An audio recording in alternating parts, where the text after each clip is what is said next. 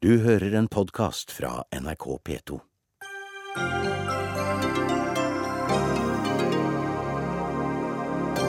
Fredsprisvinner Leo Chabot er overført fra fengsel til sykehus for å få kreftbehandling.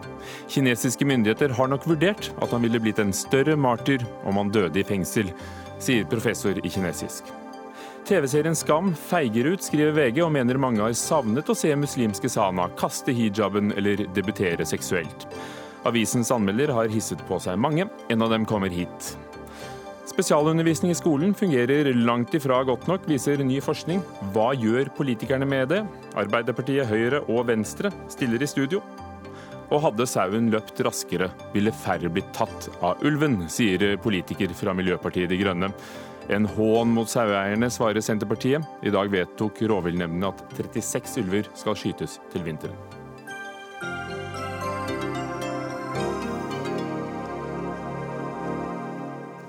Velkommen til Dagsnytt 18 med Hugo Fermariello. Fredsprisvinner Leo Chabot har altså fått leverkreft, dødelig leverkreft, og er overført fra fengsel til sykehus, ifølge hans advokat.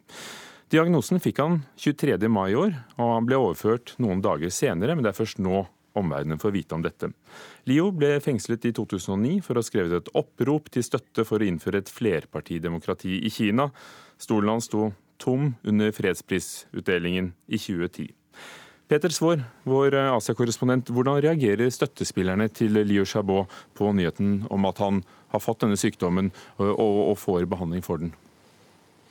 Ja, Vi har truffet Hu Jia i dag, en mangeårig nær venn og støttespiller opp gjennom årene av Liu Xiaobo. Han sier dette er en mørk og trist eh, dag, eh, men at dette ikke skal knekke motet og viljen til demokratiaktivistene her. Og han legger også en stor del av ansvaret for Lius sykdom nå på kinesiske myndigheter. Han sier det var dem som fengslet en uskyldig mann, og som nå har skapt en dødssyk pasient bak murene.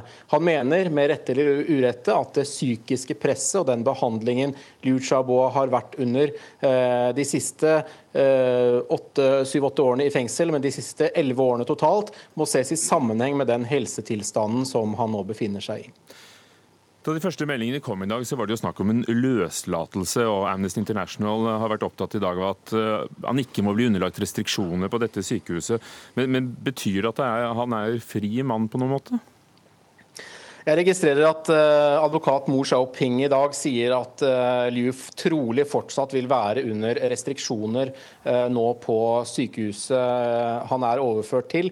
At han er på en medisinsk løslatelse nå. Det betyr at det fortsatt er det kinesiske fengsels- og sikkerhetsapparatet som har myndighet over ham, og at han pga. sakens spesielle natur nok ikke vil kunne ta imot besøk eller kunne forlate sykehuset. Eh, de fleste av hans støttespillere regner jo også med at han vil bli holdt isolert, fordi kinesiske myndigheter i hvert fall til nå har vært så opptatt av å isolere ham i fengselet. Han har ikke fått treffe noen andre fanger. Eh, de har ikke latt ham ha besøk. De er redde for at han skal gi intervjuer, eller at det selv skal sive ut eh, sitater eller politiske budskap fra ham som kan oppbilde hans støttespillere både her i Kina og i Vesten.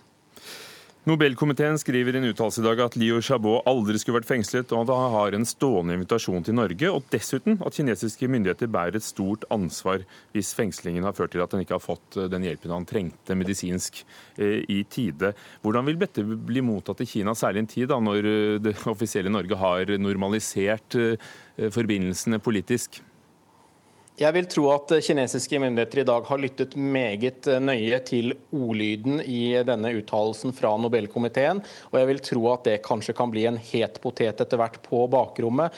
Eh, det som har kommet oss for øre, er jo f.eks. hvordan det ble tatt veldig ille opp da Kasi Kullmann Five, idet hun overtok som ny leder av Nobelkomiteen for noen år siden, gjentok sin støtte til fredspristildelingen til Yu Xiaobo. Hun sa da at kinesiske myndigheter bør løslate ham, slutte å plage hans kone Liu Qia, som jo har sittet ute uten lov og dom i husarrest nå i mange år. Den uttalelsen ble vanskelig eh, for diplomatene her i Beijing. Eh, og Samtidig så prøver jo norske myndigheter nå som du sier, å normalisere forholdet. Det viktigste nå for Kina er jo på mange måter hva den norske regjeringen gjør og sier.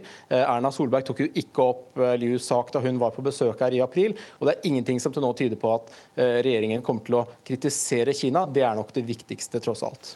Takk skal du ha, Peter Svaar, korrespondent eh, i Beijing. Eh, vi har ikke fått eh, noen fra Utenriksdepartementet til å stille her i dag, men de sier altså i, i en uttalelse til NTB at, at de er lei seg for det som har skjedd, men, men, men det er også det eneste å tenke på hans sykdom, og, og tankene går til hans familie og hans nærmeste. Professor i kinesisk ved Universitetet i Oslo, Halvor Eifering.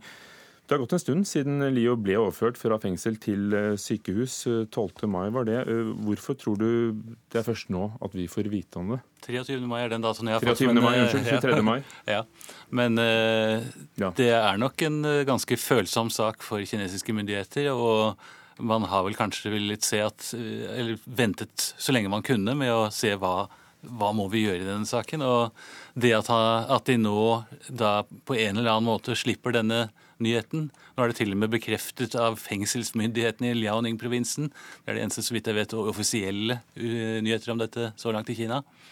Så kan det være fordi at de vil bare ikke at dette skal bli en martyrsak. Uh, de vil i hvert fall unngå så langt de kan at han sitter inne i fengsel og er kjent for å sitte inne i fengsel når han da dør, hvis det er det han nå er i ferd med å gjøre. Og at uh, de vil langt heller da legger vekt på det som da denne korte uttalelsen fra fengselsvesenet la vekt på, nemlig at han er overført til sykehuset, får der god hjelp av åtte spesialister innenfor kreft. Eh, sånn at eh, det får gi et inntrykk hvert fall, av at han nå blir tatt godt vare på, så godt vare på som det lar seg gjøre. Så med andre ord, du sier at det er eh, propaganda? propaganda.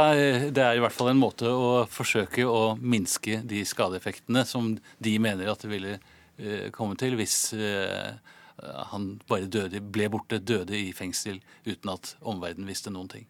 Det han ble fengslet for, fengslet for i, i, 2009, var jo dette charter 08. Ja. Eh, inspirert av Varslag Havels charter 77 fra, fra Tsjekkoslovakia. Eh, hva besto dette oppropet i? Er det, er det så drastisk? Det er eh, veldig klart og tydelig eh, et argument for eh, dels at Kina skal følge opp den grunnloven og de grunnlovsendringene de selv allerede da hadde foretatt, som da, eh, men også da eh, et konstitusjonelt demokrati. Det var et argument for et konstitusjonelt demokrati. Og det er ingenting i det charteret som egentlig er noe si, oppviglersk eller sånn, men men det var nok en uh, følelse da at her må fra myndighetenes side at her må man slå ned på det og på en måte statuere et eksempel, så ikke denne debatten får gå for langt. Men han er altså ikke av de, de mest radikale? Det er mange som er mer radikale enn ham. Han er, en radikal, han er nok en radikal type som personlighet, men i denne sammenhengen så var det egentlig en ganske moderat Leo Xiaobo vi så. Som sagt, eh, ingen i politisk ledelse i Utenriksdepartementet kunne stille. Eh, heller ikke leder eller nestleder i utenrikskomiteen på Stortinget. Petter Eide, stortingskandidat for eh, SV. Mange kjenner deg fra den gang du var generalsekretær i Amnesty International i, i Norge. Hva sier dette om hvor følsom denne saken er for norske myndigheters forhold til Kina? Ja, Den sier jo at den er veldig veldig følsom, men det kan godt hende de også tolker den noe, noe overfølsomt. Jeg eh, hadde jo håpet at de kunne benytte denne anledningen til å snu, altså til nærmest å skifte strategi. De har nå i fem-seks år valgt en sånn type unnfallenhetsstrategi. En, eh, en ekstremt forsiktig strategi, altså en forestilling om at jo mer unnfallende vi er overfor kinesiske myndigheter, jo bedre relasjoner får vi med Kina. Det har på en måte vært det i norske myndigheters uh, Eh, strategi i forhold til dette. Nå er det kommet et nytt momentum i saken. Han er ute av fengsel. Mye om stor internasjonal oppmerksomhet. Nå kunne norske myndigheter også eh, på en måte valgt side. De kunne opptrådt prinsipielt. De kunne vært tydelige i eh, støtten til demokrati og menneskerettigheter. De kunne gitt Nobelkomiteen i dag en støtte når de sier at han er velkommen til Norge. Og de kunne selvfølgelig kommet hit til studio og diskutert hva Norge kan gjøre med menneskerettighetene i Kina, istedenfor å totalt være tause. Kommunalminister Jan Tore Sanner foreslo i sin tid Lio til nobelprisen, og, og ville heller ikke stille i dag. Men kunne Nobelkomiteen gjort noe mer? Det er jo en veldig tydelig rolle mellom Nobelkomiteen og, og norske myndigheter. Og det er jo de som gir prisen. Det er helt riktig, og norske myndigheter er veldig opptatt av at ikke man skal blande dette sammen. Selv om kinesiske myndigheter blander sammen at, og kanskje også tror at, at Nobelkomiteen er styrt, av, er styrt av, av, av myndighetene. Men jeg er glad for det som Nobelkomiteen har uttrykt i dag. De har vært tydelige på at de har invitert ham til Norge. De har vært tydelige på at, eh, at fengslingen hans, av han var feil. Jeg syns kanskje de var litt for bobastiske når de sier eh, litt på bakgrunn av mitt utspill i Dagsnytt i dag, at de kanskje burde vurdere å reise og besøke han, så har de kategorisk avvist det. Og jeg tror, jeg tror vi fortsatt kan det, holde, bør holde det litt åpent om det skal være noen, om det skal komme type uttrykk fra Norge på besøk til Kina. Det ville ha stor menneskelig betydning for han. Det ville gjort ære på han, kanskje når han er veldig veldig syk. Men og det ville hatt stor politisk betydning. Nobelkomiteens uh, sekretær og direktør for Nobelinstituttet, Olav eh, Njølstad, sier til NTB at, at det er slett ingen tradisjon. Det er bare i Stockholm og Oslo nobelpriser deles ut. Og så sa han til oss i en samtale at det er ikke sikkert det overhodet ville tjent Lios sak. Nei, men eh, jeg syns de var litt raskt ute med å avvise det. Eh, fordi vi vet litt for lite om hva som foregår i Kina rundt hans situasjon. Vi vet ikke hva slags restriksjoner han er utsatt for. Og vi vet heller ikke om det vil være mulig for dem å kunne gjøre en, altså komme i en, i en møteposisjon. Uansett så ville en sånn tilnærming eh, vært en, hatt stor menneskelig betydning for Liu Xiaobo. Han ville følt at han ble sett fra omverdenen på en helt annen måte. Vi må huske på at han blir jo ikke sett i Kina. Kineserne vet jo knapt hvem han er og har ikke hørt om han. Så han og hans psykiske helse også er jo avhengig av at han opplever at han har støtte fra, fra, fra resten av verden. Så en sånn tilnærming også fra Norge ville vært veldig veldig bra. Liu Xiaobo er jo egentlig litteraturviter, akademiker. Foreleste i en tid i Oslo på slutten av 80-tallet. Og Halvor Eifring, du, du møtte ham den gangen. Ja, ja, gjorde det. Eh, tror du at vi er for engstelige for de kinesiske politiske reaksjonene som Eid antyder? Altså, Når det gjelder akkurat Liu Xiaobo, så er det klart at der ser vi jo da historien at, at reaksjonene har vært veldig sterke. Men nå er ikke Liu Xiaobo er jo på mange måter, som egentlig også Nobelkomiteen har uttrykt det, et symbol mer enn at det er bare hans situasjon som er det viktige i denne sammenhengen. Det er minst 1400 politiske dissidenter i fengsel i Kina i dag. Og det er antagelig flere. Og det er mange av dem er, altså sitter inne. Og det er, det en økning i antallet eh, som da blir tatt av eh, enten de er da menneskerettighetsadvokater, eller de er forleggere, eller de er eh, universitetsansatt som meg. Og det er på en måte en mye større gruppe der som, det, som dette egentlig gjelder. Blir de sett i Kina? I veldig liten grad. Takk skal dere ha. Vi må avslutte der. Halvor Eifring, professor i kinesisk ved Universitetet i Oslo, og Petter Eide, stortingskandidat for SV og mangeårig leder av Amnesty i Norge. Dagsnytt 18 alle hverdager kl 18.00 på NRK P2 og NRK2.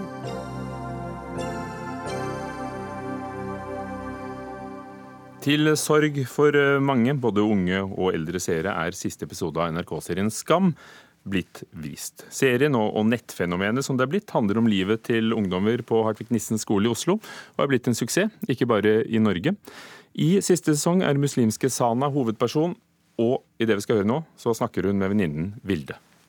Eh, jeg har aldri hatt det så digg med noen før. Jeg har aldri kommet så mye som jeg gjør når jeg med Magnus.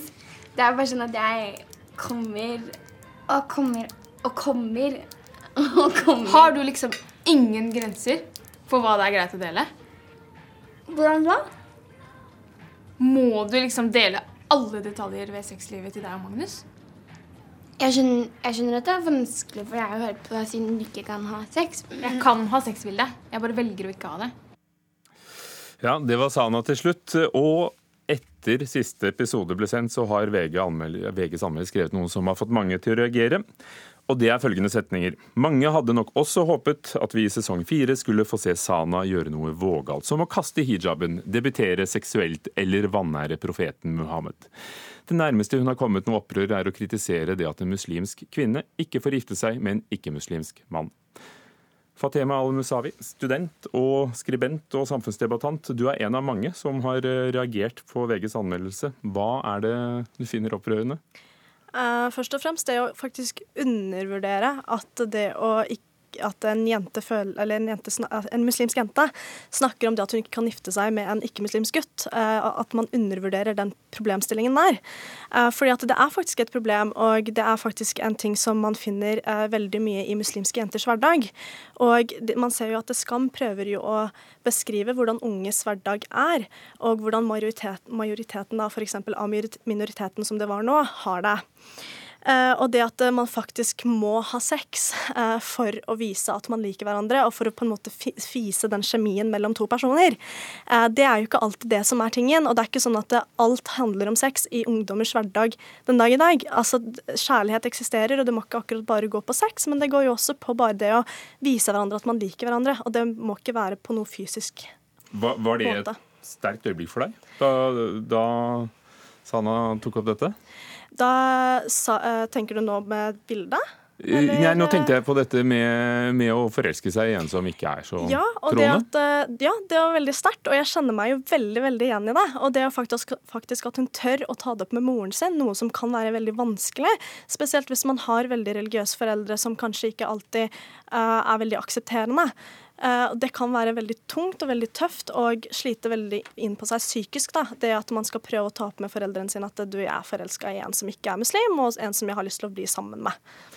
Vilde Sagstad Imeland, filmanmelder i VG. Det var du som anmeldte sesong fire. Og skrev at mange nok hadde håpet at han skulle kaste hijaben, debutere seksuelt eller vanære profeten. Hva fikk deg til å skrive det? Nei, det er jo begrunna ut ifra eh, forventninger som er opplever at uh, mange hadde. Blant annet så skrev Dagbladets anmelder at uh, i anmeldelsen av de første episodene av sesong fire at eh, er det Sanas tur til å hooke endelig. så jeg mener at de forventningene absolutt er til stede i en serie som handler om sex.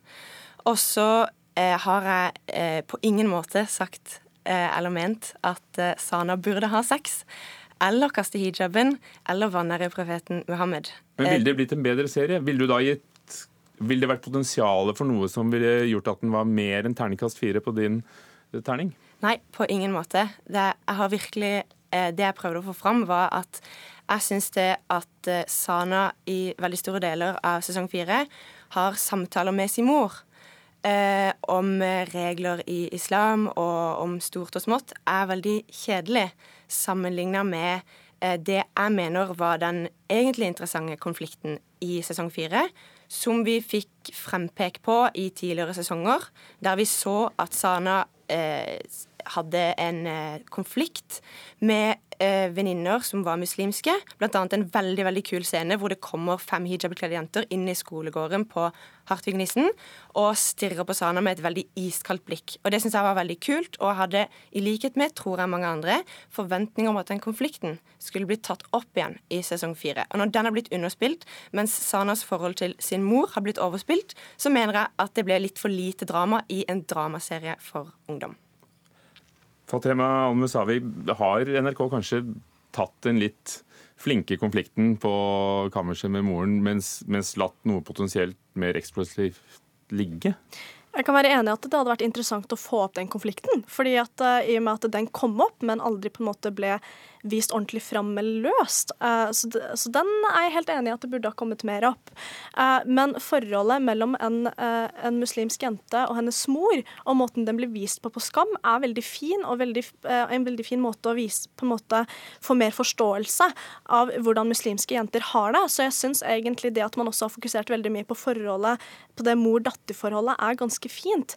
Eh, og det er ikke sånn at alt må handle om noe veldig mye drama, at det skal være konflikter og drama hele veien. Serien. Eh, og eh, som jeg nevnte tidligere, eh, jeg føler at Skam, i hvert fall ut ifra mine opplevelser, og jeg har jo bidratt litt med i serien, og der føler jeg at de har prøvd å vise hvordan virkelig ungdommer har det i dag. Og de har jo klart det ganske fint med på en måte hvordan den vinklingen de har hatt det nå. Og da handler det kanskje ikke bare, bare om sex? Men også disse andre konfliktene som kan være vel så sterke, selv om de er mer stillfarende? Eh, ja, Eh, absolutt. Og eh, jeg har jo som sagt ikke ment at Sana burde ha sex. Jeg har bare pekt på at jeg tenker at det har ligget en forventning der om hva vi skal få se, som ikke har blitt realisert. Også, og at NRK har vært litt feige, som ikke har tatt tak i noe som kunne vært farligere. Ja, nettopp. Og igjen så tar jeg jo ikke ut av løse lufta hva jeg, hva jeg sier at jeg ville se. Jeg viser til denne, dette frampeket som lå i en tidligere sesong, og sier Hvorfor kunne dere ikke heller gjort mye mer ut av dette?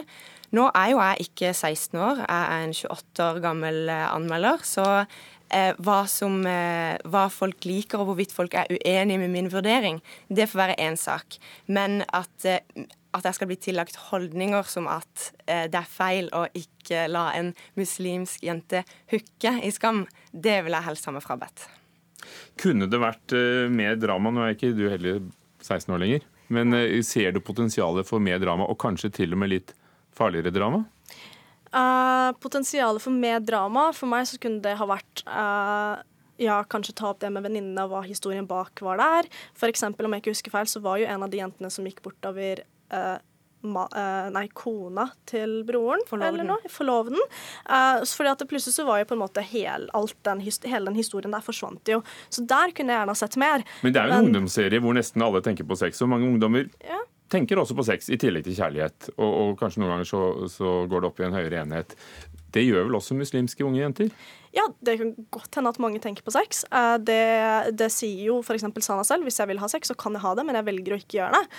Eh, og det handler jo om at, eh, hvordan en muslims, muslimsk jente er, og hva islam sier og ikke sier. Og det er jo at man ikke skal ha sex før ekteskap, og det er jo det på en måte man prøver å få fram. Et poeng man prøver å få fram indirekte, da. Og man prøver å få det fram sånn at det viser en forståelse på hvordan en muslimsk jente har det, til resten av den norske befolkningen. Ja, jeg er helt enig, og jeg syns at selvfølgelig at sesong fire har vært veldig, veldig bra. Jeg har gitt det terningkast fire, jeg har ikke slakta det. Eh, men eh, jeg mener at når Skam er så populær serie som det er og har vært, i sammenheng med at eh, det har vært, altså at det har vært så høy kvalitet, da mener jeg kravene skjerpes ytterligere. Og min vurdering er en rent kunstnerisk vurdering av sesong fire opp mot de tidligere sesongene og opp mot dramaet, hvordan dramaet spiller seg ut. Sex er ikke Det måtte ikke være sex. Takk skal dere ha. Vilde Sagstad Imland, filmanmelder i VG, Fatema Al-Musawi, student og skribent om Skam siste sesong.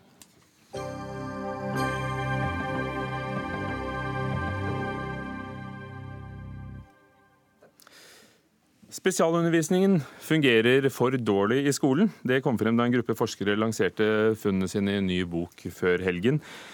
Denne boken viser bl.a. at elever som får spesialundervisning i matematikk, gjør det dårligere i faget enn de på samme nivå som ikke får ekstra hjelp. Arild Killi, rektor på Dombå skole i Dovre kommune. På deres skole så hadde altså 10-15 av elevene spesialundervisning, og så gjorde dere noe. Dere flyttet de lærerne som ga denne undervisningen, inn i klasserommet, som da fikk to lærere. Hvorfor har dette virket bedre? Eh, og så jo at det var en urovekkende stor og stadig økende del til elevene som hadde spesialundervisning. Og eh, det vi gjorde i 2010, det var at vi flyttet eh, oss hadde en skikkelig runde der vi tok vekk spesialundervisninga fra de fleste elevene. Uh, og Istedenfor å bruke ressurser på spesialundervisning, så brukte vi ressurser på to lærere i klasserommet i basisfagene norsk, matematikk og engelsk. Hva var det som ikke virket tidligere? Og så det gjennom kartlegginger at elevene ikke hadde særlig framgang, selv om de hadde spesialundervisning. Hmm. Men hvis jeg forstår riktig, dere har 115 elever. Ja. Da er det vel i utgangspunktet ikke så store klasser. Kan det være Sånn at dette fungerer fordi dere ikke er så mange? Vi har, har, jo en eh, spesiell ressurstildelingsmodell. F.eks. i første og andre klasse er det over tolv elever der, så setter vi inn to lærere over hele fjøla. Da får eleven en veldig god start. Eh, altså, hvis du lille Anne mista tre bokstaver i løpet av første skolehalvår, så kan ene læreren ta ut den eh, ungen og gi henne intensivopplæring, slik at hun henger med. Og Anne blir en flink leser. Og kommer da opp på et såpass høyt nivå i lesinga si gjennom barne- og ungdomsskole at hun kan fullføre videregående skole og ikke få noe frafall der. Vil du tenkt at dette fungerer også i klasser som har 30 elever så mange steder? Dette vil nok fungere der òg. Det vil det jo nok gjøre. Den du, har, du, har to, du har to voksenpersoner istedenfor én. Har du 26 eller 28 elever der eh, i første og andre klasse, det er to stykker klasser i gardinene, så er det klart at da, da blir det vanskelig å holde skikkelig undervisning. Og du får heller ikke til tilpassa opplæring. Dette forskningsprosjektet som heter SPEED, er forkortelsen for det hele, har jo sikkert mer nyanserte resultater enn det jeg sier nå, men altså det viser da bl.a. at elever med spesialundervisning i matte gjør det dårligere enn de som ikke fikk spesialundervisningen. Um, kan det være at det å drive spesialundervisning krever spesialkompetanse som de lærerne ikke alltid har? Ja, Det skal ikke jeg synes jeg veldig mye på, men det er klart at uh, Spesialundervisning i Norge blir drevet på mange forskjellige slags nivå, fra assistenter til folk som har master i spesialundervisning. Så Kvaliteten på spesialundervisninga er òg veldig sprikende. Det som er viktig når du driver med spesialundervisning, det er å treffe eleven på sitt nivå. Og Det kan være vanskelig for en som ikke har spesielle forutsetninger for det, til å ta tak i det på den måten der. Takk skal du ha. Arild Kjelli, rektor ved Dombås skole. Kent Gudmundsen, medlem av kirke-, utdannings- og forskningskomiteen på Stortinget fra Høyre. Hva, hva vil du gjøre med det du hører her? Nei, Allerede har vi jo gjort mye. Eh, sammen med Venstre og KrF har vi jo også levert eh, tidenes satsing på tidlig innsats. Eh, og fått på plass... Hva er det igjen? Ja, vi har uh, sikra at uh, norsk skole har tilgang på mer ressurser som kan settes inn tidlig i barnetrinnet. Sammen har vi også levert flertall for å uh, styrke barnehagen det å komme tidlig i gang med språkopplæring og systematisk forståelse. Men hvis spesialundervisning er bortkastet, og da kanskje også bortkastede penger, kunne de pengene heller vært brukt annerledes? Kanskje sånn som uh, rektoren ved Dombo skole gjør, å sette inn to lærere på alle klasser? Mm. Jeg tror vi har eh, mye å lære for å organisere oss veldig mye bedre. Og blant annet så har jo Torbjørn Isaksen tatt til orde for at vi skal nå få mer kunnskap om ulike måter å organisere oss på. Og til høsten så settes jo i gang gjennom Utdanningsdirektoratet modellundersøkelser som skal gjøre at vi kan høste mer erfaring, pluss at vi har satt ned et ekspertutvalg ledet av professor Thomas Nordahl. Så i sum så skal vi jo nå uh, hente inn mer kunnskap for å på den måten hjelpe Skole-Norge til å eh, sikre tidlig innsats eh, fremover. Så får vi se da hvem som styrer til høsten. Trond Giske, du er da leder i den samme utdanningskomiteen på Stortinget, nestleder i Arbeiderpartiet. og hvis de, hvis de, er dere, vet dere nok, eller må dere finne ut av mer? sånn Nei, som regjeringen? Jeg tror det siste vi trenger nå er flere utredninger. Det er veldig fint å samle god kunnskap fra skolen og dele på det. Men eh, det som ble beskrevet her, tror jeg er allmennkunnskap hos lærerne.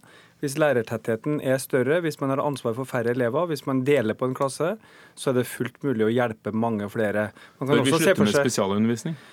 Om vi skal slutte helt med det, tror jeg ikke. fordi at eh, Spesialundervisning kan jo også gå inn mot folk som har helt spesielle handikap som krever en helt spesiell utdanning for å undervise. Men vi er på helt ville veier når enkelte ungdomsskoler har opp mot 20% av elevene sine på spesialvedtak og spesialundervisning. Det er ingen garanti for at kvaliteten er der. Som det blir sagt her, det kan, det kan være fra mastergrad til ufaglært assistent. Og litt for ofte er det nok slik at man tar de svakeste elevene ut fra ulike klasser, setter dem sammen i en gruppe og setter på en som faktisk ofte er dårligere enn læreren. Og da blir det ikke gull av dette. Det er mye bedre å få denne undervisninga i stor grad i normalklasse, men med ekstrahjelp som har spesial, eh, spesiell utdanning for det. Og uten denne enorme saksbehandlinga, sakkyndigvurdering og måneder og år og venting.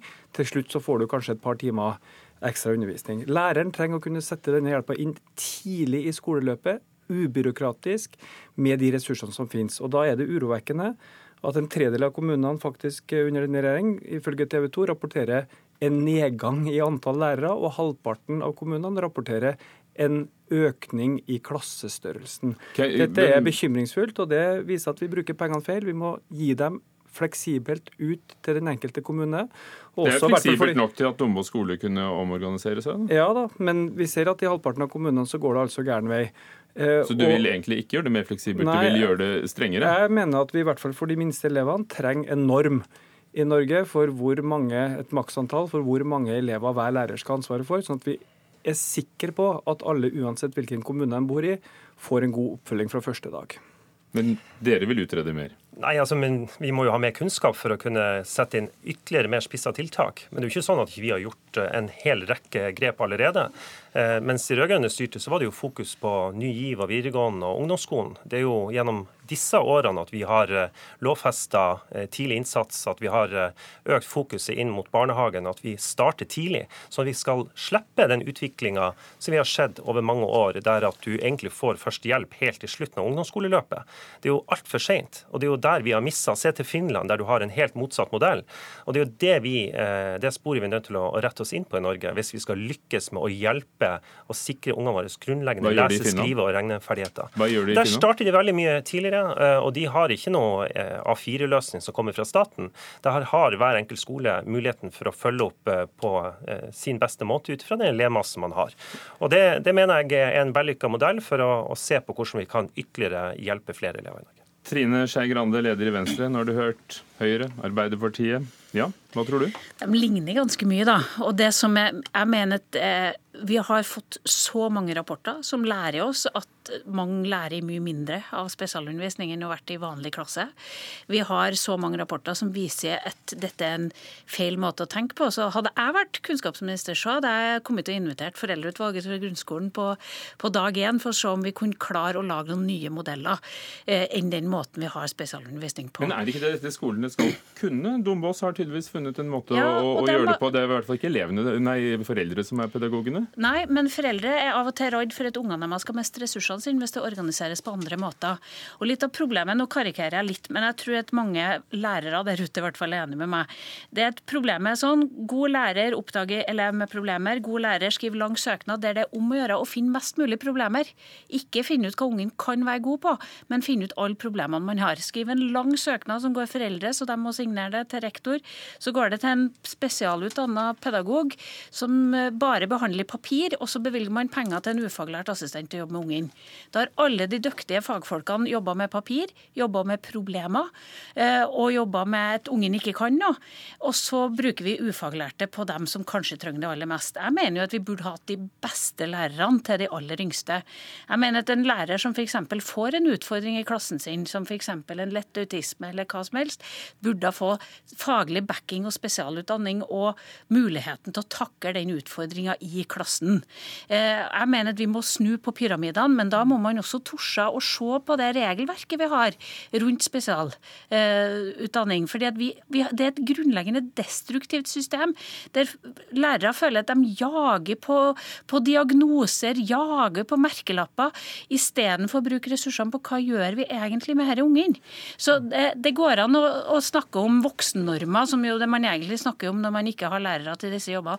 Man kan snakke om alt mulig sånn makroting, men i mikro burde vi torde å si at den måten vi organiserer spesialundervisning på, er feil. Giske, helt konkret, hva blir forskjellen for velgerne som da skal stemme i, i september, på hvis dere kommer til makten sånn umiddelbart? Altså Først og fremst til ressursbruken. fordi at eh, det koster penger å ansette flere lærere. Det koster penger å gi eh, dem som nå er i pedagogiske stillinger uten lærerutdanning, en eh, etter- og videreutdanning. Det koster penger å ansette spesialpedagoger. Det koster penger å redusere klassestørrelsen. Så dere skal gi mer penger til barneskolene? Til kommunene, som er skoleeiere, og også innføre en norm for lærertettheten, ikke voksentettheten, i småtrinnet og også på barnehagene. Uh, og dette må skje nå. Altså, uh, nå og, du, og du tror at kommunene da vil prioritere flere lærere når de får litt mer penger? Ja, altså Når kommuner kutter i lærerstillinger, så er det jo ikke fordi at de mener at det er en god oppskrift for skolen. Det er ut ifra at de har ikke mer penger å bruke. Eh, og hvis vi, eh, som eh, et av regjeringspartiene i hvert fall vil, skal forby eiendomsskatt og fjerne formuesskatten, så vil kommunene tape opp mot 20 milliarder kroner. Det er store velferdskutt både La oss holde oss til skolen. Ja, skolen lever av de samme pengene som vi tar inn i det spleiselaget som er skatt så det er jo ikke helt likegyldig om vi pøser pengene ut til andre ting. Men det som jeg er litt frustrert over, altså jeg syns Trine Skei Grande har en veldig presis beskrivelse av hvordan dette foregår i skolen, og mange opplever den frustrasjonen. Men det har altså ikke skjedd noen ting disse fire årene på dette. I Danmark har man jo satt en strek, der skal man jo ikke ha mer enn 4% på eh, IOP og spesialvedtak. Kristin Halvorsen tok noen initiativ på slutten av vår periode og prøve å bremse veksten i spesialvedtak. Eh, men det er ikke godt nok, som eh, Høyre og Røe Isaksen sier, at tidlig innsats det er prioriteten for neste periode. Nå, nå, renner det inn med prosenter og forkortelse her, ja. og mens tiden renner ut. Eh, Kent Gudmundsen? Ja, Det er en veldig urimelig beskrivelse. For det første så har jo ikke kommuneøkonomien vært bedre siden 2006, eh, nå i 2016. Så det er jo klart at det er kombinert med at vi fra statens side har både plukka opp større regning på videreutdanning av lærere, satsa nå på tidlig innsats med flere lærere Men her handler det vel mer om hvordan gruppe. disse pengene bruker? Når ja, vi får en ny rapport som viser at det ikke virker. Og du sier lærertetthet ikke virker. Det sier ja, men, ja, men poenget Nei. Altså, det er fullt mulig å organisere tidlig innsats på mange måter, bl.a. mindre grupper. Men Skal vi fortsette i spesialundervisning hvis det ikke virker? På noen områder trenger vi det. Noen elever trenger det. Det er en sammensatt gruppe der. Men jeg mener at det vi har gjort nå med å både lovfeste, sette inn mer ressurser og legge til rette for at kommunene kan gjøre en større innsats, ja, det er ingen tvil om at det vil vi se effekter av. Med din oppskrift Trine Skei Grande, vil vi ikke risikere at, at, barn som faktisk har problemer, som kanskje til og med kunne fått et navn, ikke får den hjelpen de trenger? Ja, Det er derfor jeg ville ha satt meg ned med foreldreutvalget i grunnskolen og prøvd å funne en god løsning for å sikre nettopp den gruppa som, som foreldre kan være redd for ikke får ressurser. Men den rapporten her, den viser jo en ting til. Den viser at lærere må klare å samarbeide i klasserommet. Hvis ikke så blir det ikke nytte ut av det tolærersystemet. Så dette handler om nye pedagogiske arbeidsmåter. Det handler om lærere som må lære å jobbe sammen, da får du de resultatene som man skryter av på, på Dombås. Og det er ikke bare å tro at det er penger og matematikk, du må også ha litt visjoner for hvordan skolen skal utvikle seg her. For det er ikke bare snakk om penger, det er også snakk om pedagogikk og arbeidsmåte. Takk skal dere ha. Trine Skei Grade, Ket Gudmundsen og Trond Giske.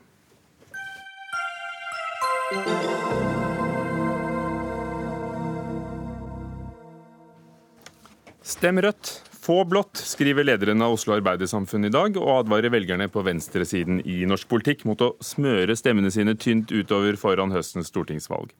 Resultatet kan nemlig bli at de sender SV under sperregrensen og Erna Solberg inn i fire nye år i regjering. Fredrik Mellem, leder Oslo Arbeidersamfunn, du må forklare litt mer. Hva, hva frykter du, sett fra ditt ståsted? Det er jo en mørk sky eh, på himmelen denne sommeren for alle som ønsker seg et regjeringsskifte. Og det har blitt tydeligere og tydeligere på meningsmålingene ganske lenge nå. At eh, de velgerne som eh, har preferanse til venstre for Arbeiderpartiet, de sprer seg nå så tynt på Miljøpartiet De Grønne, Rødt og SV at det er en overhengende fare for at alle tre partiene kommer under sperregrensa. Men gir du da et råd da, til dem som leser kronikken din i Klassekampen som sto på trykk i dag? Jeg er tillitsvalgt i Arbeiderpartiet og kommer ikke til å oppfordre noen til å stemme på noe annet enn mitt eget parti, selvfølgelig. Men, Men du mener at det lønner seg da, hvis du er på venstresiden, istedenfor å gi den til et parti som kanskje havner under sperregrensen? Vi snakker jo her om velgere som etter alt å dømme eh, syns det er svært viktig at vi får et regjeringsskifte. Og da syns jeg faktisk at dette er en betraktning som, eh, som han bør dvele litt ved. Ja. Line Lise Øen Mælen, leder i Rød Ungdom. Er du bekymret for å havne under sperregrensen? Jeg tror vi kan begynne med å spørre hva er det Mellem egentlig vil her? Fordi det er ikke veldig troverdig at han nå plutselig har begynt å drive valgkamp for Sosialistisk Venstreparti. Så min oppfordring til deg er jo at hvis du og Arbeiderpartiet genuint er redd for at SV vil havne under sperregrensen, så oppfordrer deres egne velgere til å stemme SV eller begynne med deg selv. Fordi en altså Arbeiderpartiet er den største trusselen sånn jeg ser det, mot et sterkt eh, SV. Mye større trussel enn uh, det Rødt er. Arbeiderpartiet har tross alt en tredjedel av alle stemmer. Og hvis man da skulle gjort noe, så kunne man jo fått eh, både Rødt og SV over sperregrensa hvis et par av velgerne til Arbeiderpartiet ville stemt på oss istedenfor. Men dette er jo en helt sånn absurd tankelek eh, som man, jeg ikke syns man burde redusere politikk til. Fordi dette handler ikke om matematikk, dette handler jo om hvilket parti folk skal stemme på. Og da mener jeg jo at eh, det blir liksom litt for arrogant fra Arbeiderpartiet sin side da, og ikke å redusere liksom hvem som kommer over og under sperregrensa, fordi folk må få lov til å stemme på det partiet de er mest enig med. Og nå vokser jo Rødt på meningsmålingene, og da viser det jo også at flere og flere har lyst til å få Rødt inn på Stortinget, og det ligger vi jo godt an til nå. Så jeg sier heller sterkt Rødt, sterkt SV. Og da, Fredrik Mellem, i, i rød T-skjorte, da, da, ville det vel vært ja, bra for deg som leder av det største lokallaget å oppfordre noen av dine medlemmer, som dere har ganske mange av? Å få noen av Arbeiderpartiets velgere til, å stemme, til å stemme, på et kommunistparti. Det tror jeg er veldig lite sannsynlig at vi får til, verken ved dette eller noe annet valg. Men, SV da? Men, men, men at Arbeiderparti-velgere kan stemme på Arbeiderpartiet, det syns jeg er en veldig god idé. Og jeg skjønner også veldig godt at andre partier vil at velgerne skal stemme på deres parti. Og mitt prosjekt er overhodet ikke å overbevise de tillitsvalgte i Rødt eller for den saks skyld SV eller noe annet parti om å stemme på et annet parti enn det de er medlem av. Men det jeg er opptatt av, er at det er en 8-9 av velgerne der ute som etter alt å dømme er eh, sterkt innstilt på at vi skal få en endring på den blåeste regjeringa Norge noensinne har hatt, i hvert fall på mange generasjoner. Og da er det jo eh, et spørsmål. Skal man bidra til at det blir et regjeringsskifte? Jeg skjønner at Rødt sitt prosjekt er å få den ensomme rytter inn på Stortinget en gang hver generasjon. Men det er ikke sikkert at alle velgerne der ute er like opptatt av det. Skal vi ikke stemme etter hjertet eller fornuften? Jo, men det, det, går fint an å stemme etter eh, hjertet. For det, altså, det er jo ikke alle som er medlem av et parti. Eh, man velger jo parti eh, litt ut ifra omstendighetene. Mange velgere gjør i hvert fall det. Og nå er omstendighetene faretruende. Dette er en mørk sky på himmelen over Norge denne sommeren. Det høres ikke ut som man vil gi dere noen velgere? Nei, men akkurat nå så høres det ut som han er litt redd for at Arbeiderpartiet begynner å miste velgere til Rødt. Og da målet hans er å skremme folk fra å stemme Rødt. Og det skjønner jeg jo, fordi vi har klart å mobilisere. Og du ser at vi vokser ganske godt på meningsmålingene. Men å vokse seg over sperregrensen skal litt til. og Er det ikke sånn at det kanskje er litt for mange små partier? Kunne, kunne det vært en tanke som har vært debattert, at SV og Rødt slår seg sammen? Jeg vil avvise det nå. Nå ser man at på den siste Oslo-målingen f.eks., der både SV og Rødt gjør det sterkt, og vi er altså i posisjon og hjelper Arbeiderpartiet i Oslo til å trekke Arbeiderpartiet i riktig retning, så fikk eh, SV godt over 7 og Rødt over, godt over 6% på den siste meningsmålingen. Så akkurat nå så virker det ikke som vi, vi driver og presser hverandre under sperregrensen. Tvert imot så virker det som om vi eh, kan bli sterke på siden av Arbeiderpartiet og trekke Arbeiderpartiet i riktig retning. Men så må jeg jo bare si at det er litt sånn arrogant, fordi det vitner om en holdning der der Mellem sier at det er noen som eier velgere. Velgerne må jo få lov til å stemme på et parti som er nær de. Og hvis det er Rødt for velgere, ja da syns jeg jo de må få lov til det. Fordi de ser da at vi vil ha en annen politikk som eh, blir ført, og at vi trengs for å gjøre også at Arbeiderpartiet kan føre en, en, bedre politikk. Og så må jeg jo bare si vi vil gjerne samarbeide med Arbeiderpartiet når vi kommer inn på Stortinget. Det er ikke det det skal stå på for vår del. Det er Jonas Gahr Støre som har utelukket et samarbeid med Rødt på riksnivå. Ja, kommunisme er en dårlig idé for det norske samfunnet. For, men SV-støtte takker du ja til? Men poenget er at til venstre for Arbeiderpartiet er det helt stabilt. Det er, ganske, det er sånn ca. 8-9% av velgerne. og Det har det vært ved mange valg. Det nye ved den situasjonen vi er i nå, er at disse sprer seg veldig jevnt på Miljøpartiet De Grønne, SV og Rødt. Og det kan få fatale konsekvenser på valgdagen. Og det eneste jeg sier, er at dette må velgerne ta med i betraktningen utover sommeren og høsten. Ja, er det fatale konsekvenser? De vil jo få SVs støtte og, er det ikke et sunt tegn for demokratiet at det, at det, er flere små partier som kan trekke dere i den ene og andre retningen også? Man er hjertelig velkommen til å mene det, men hvis det handler om å vinne valget og få bytta ut den blåeste regjeringa Norge har hatt på mange generasjoner, så har vi ikke råd til at en 8-9% av stemmene går tapt på den måten som det ser ut til på gjennomsnittet av målingene akkurat nå. Men så må man jo kanskje si at man hadde ikke helt råd til å ha en arbeiderpartiregjering som ikke turte å ta de viktige grepene når dere satt sist i regjering. Vi vil være en garantist for å trekke Arbeiderpartiet i riktig retning hvis vi kommer inn på Stortinget. Og vi har lyst til å samarbeide om mange viktige ting, som å kaste ut kommersielle aktører fra velferden, eller som tiltak mot uh, sosial dumping. Og dette er ting vi kunne fått til i fellesskap hvis vi også hadde vært på uh, Stortinget. Og det ligger det jo veldig nå an til at vi gjør. Det ligger godt an til at Rødt, uh, SV også er langt over sperregrensa, og MDG ligger også an til å få en sin mandat. Og det vil jo bare være en styrke for oss, for da kan vi få en radikal radikal regjering som kan ta et oppgjør med f.eks. For Forskjells-Norge, som har vokst under den nåværende regjeringa. Ja, nå skal vi ikke sitte her og snakke om hva de har gjort og ikke gjort, men, men vil ikke det, dette styrke Arbeiderpartiets utsikter til altså, å, å, være handlekraftig i regjering, da? Tvert imot. Vi har jo erfaring fra Rødt en gang på Stortinget før. Da het det RV. Og da var det Erling Folkvord, men det var jo ikke sånn at Arbeiderpartiet gjorde politiske forretninger med han. Snarere tvert imot. Gro Harlem Brundtland gjorde da opp statsbudsjettene med Kristelig Folkeparti. Og en representant fra Rødt som havner i Rødt sin drømmeposisjon, kan faktisk eh, tvinge Arbeiderpartiet inn mot sentrum. Takk skal dere ha. Vi må stanse der. Fredrik Mellem, leder av Oslo Arbeidersamfunn. Line Lise Øhn Mellen, leder av Rød Ungdom. Hør Dagsnytt 18 når du vil. Radio NRK Radio.nrk.no.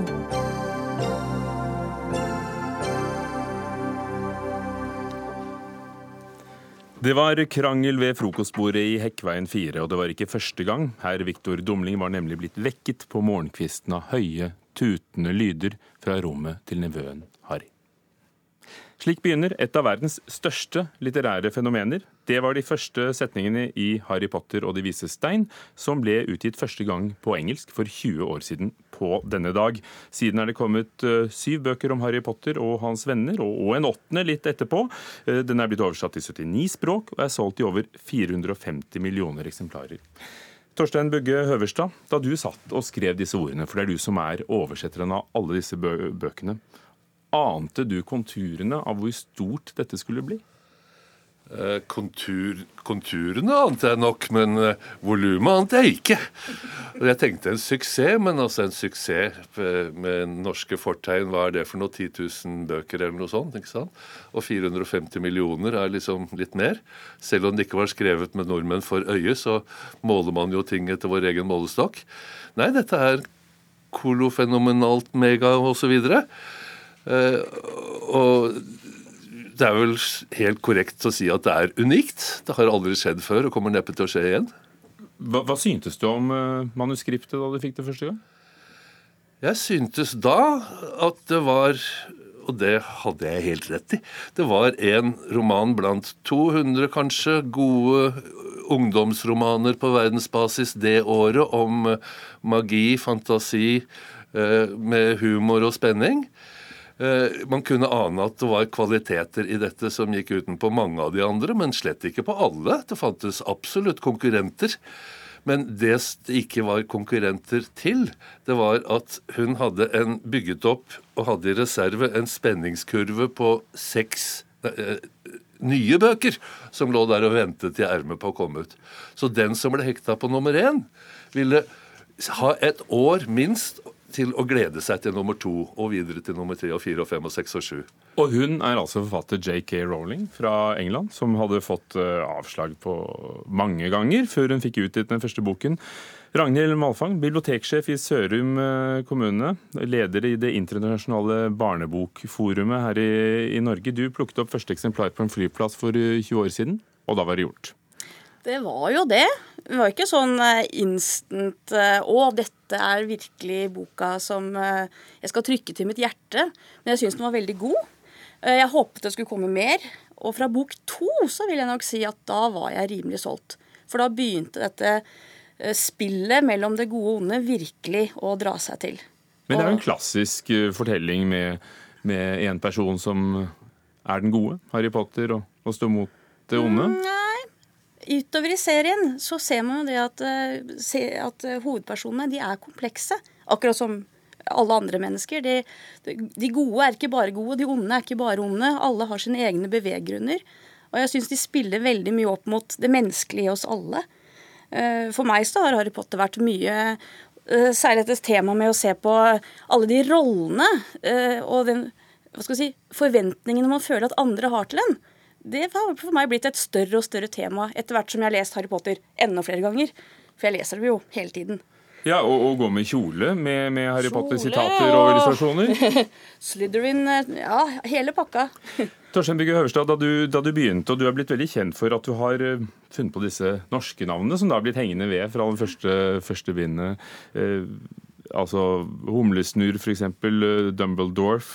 Har alle land fått lov til å være like frie som du var? Nei, strengt tatt så har vel ingen land fått lov til det, bortsett fra Rowling selv. Det er hun som har funnet på det, og i hvert fall de bak henne som sørger for at uh, taksameteret går. De som tenker på økonomien i fenomenet Harry Potter. Dem er det mange av, nemlig, og er blitt flere og flere. De har nok tenkt på at det ville være veldig praktisk om alle land hadde akkurat den samme terminologien og de samme navnene. Hvis man da skal trykke sjokoladepapir og spillkort og, all, og lage plastikkfigurer. Hvordan klarte du det? Jeg sneik meg til det. Eh, jeg spurte om eh, hvordan de hadde tenkt, eller hvordan Rowling hadde tenkt eh, om, omkring denne navneskapningen, og så fikk jeg beskjed tilbake om at det skal ikke de bry dem om, lille de. Og så hadde jeg ikke fått den e-posten, så jeg gjorde det. Og der, Det er blitt hengende ved. For, for ingen av dere oversettere i, i de noen og 70 landene har fått snakke med forfatteren selv, som er ganske vanlig at man får? Ingen andre enn den japanske, så vidt jeg vet. For det er fordi hun var forlegger nå. Hmm, hva ville du spurt om hvis du fikk treffe henne? Nå etter hvert så tror jeg ikke jeg ville hatt så veldig mye å spørre om. De første bøkene så var det helt klart veldig mye. Men etter hvert så syns jeg jo jeg føler meg, eller har følt meg rimelig vel hjemme i dette universet selv. Så jeg fikk nesten fortsette som jeg begynte. Et av navnene var, eh, var uh, Malfoy, som ble til Malfang. Som altså er ditt navn nå, Ragnhild. Ja. Som du har tatt fra, fra Harry Potter-universet. Hvordan, hvordan kom du på Malfang? Hva er begrunnelsen der? Altså, Hvor mange timer har du? Det, er, det var ikke helt lett å forklare, men det har noe å gjøre med at på engelsk så har overklassen veldig ofte franskklingende navn. Malfoy? Mm, det var det de heter i original, den slekten. De er veldig stolte av sine franske aner og sin uh, rike pengepung. Uh, I Norge så er det jo slik at det er stort sett dansk og tysk innflytelse vi har på slike slekter, i den grad de fins. Så jeg helte i den retningen. Det ble fang istedenfor foie. Hvem leser uh, bøkene i dag? Du som er biblioteksjef, du, du, du ser kanskje hvem som kommer og låner? Du, det gjør ganske mange fortsatt. Eh, det er veldig mange som eh, leste de sjøl når de var barn, og nå begynner å få barn selv. Og når kan vi begynne å lese Harry Potter? Så jeg har jo, tror jeg, yngste som blir lest Harry Potter for, jeg vet om, er to. Eh, det er noen som har begynt litt tidlig. Men det gjelder å liksom få det inn. For ser... En hel generasjon har jo da vokst opp ja. med dette fra de var ganske unge. Vil det skje igjen, nå som universet er lukket? I hvert fall ser det ut til foreløpig? Jeg vil nok tro det, for uh, nå kommer jo alle disse som da har hatt en god opplevelse selv, og de gir det videre til sine barn. Du har filmmaraton hver jul, hver påske, og stadig vekk så dukker Harry Potter opp igjen. Det er jo snakk om Harry Potter Go istedenfor Pokémon Go. Og Pottermore, eh, JK Rowlings nettunivers, der kommer det stadig nye historier. Og hun er jo også gått fra å være en, en, ganske fattig kvinne som fikk avslag på avslag, til å ha en formue på over 77, altså 650 millioner pund. Og det, eh, da snakker vi milliarder av, av kroner. Eh, Torstein Bugge Øverstad, er det, hva er det som gjør at dette holder stand, som du ser det? Det er en kombinasjon av veldig mange faktorer, selvfølgelig. altså En av dem, og jeg tror kanskje den aller viktigste, var nettopp dette som jeg antydet i sted. At hun har lagt an til et veldig spenn, en utvikling som du ikke får rett i fanget med en gang. Derfor er jeg litt uenig med Ragnhild. Jeg tror ikke på at den suksessen kommer til å gjenta seg på samme måte. Den gangen fikk folk altså vente og tromme med fingrene i et år eller noe sånt å vokse selv parallelt med hovedpersonen i bøkene. Hvis du begynte på samme stadium, så vil du fortsatt være på samme stadium når neste bind kom. Sånt vil ikke skje igjen. Og det er med på at et avsluttet univers er aldri så spennende som et univers under utvikling. Men for dere som er litterate begge to, er, er filmene like gode? Filmene er gode, men bøkene har flere detaljer. Så det er mye sånne sammenhenger som man savner når man ser filmene. Så jeg vil anbefale begge deler. Ja, altså jeg holder jo mange, mange knapper på bøkene, da. Er, historien er mye bedre der. Takk skal dere ha. Torstein Bugge Høverstad, oversetter av alle Harry Potter-bøkene i Norge, og Ragnhild Malfang, biblioteksjef i Sørum kommune.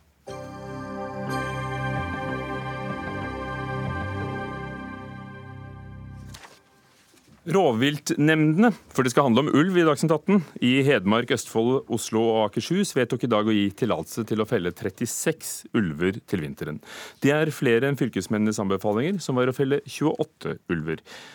Dette vedtaket omfatter altså også Slettåsflokken, Osdalsflokken og hele Julussaflokken, som nå kan da skytes, og dermed kan det være duket for en ny og bitter ulvestrid.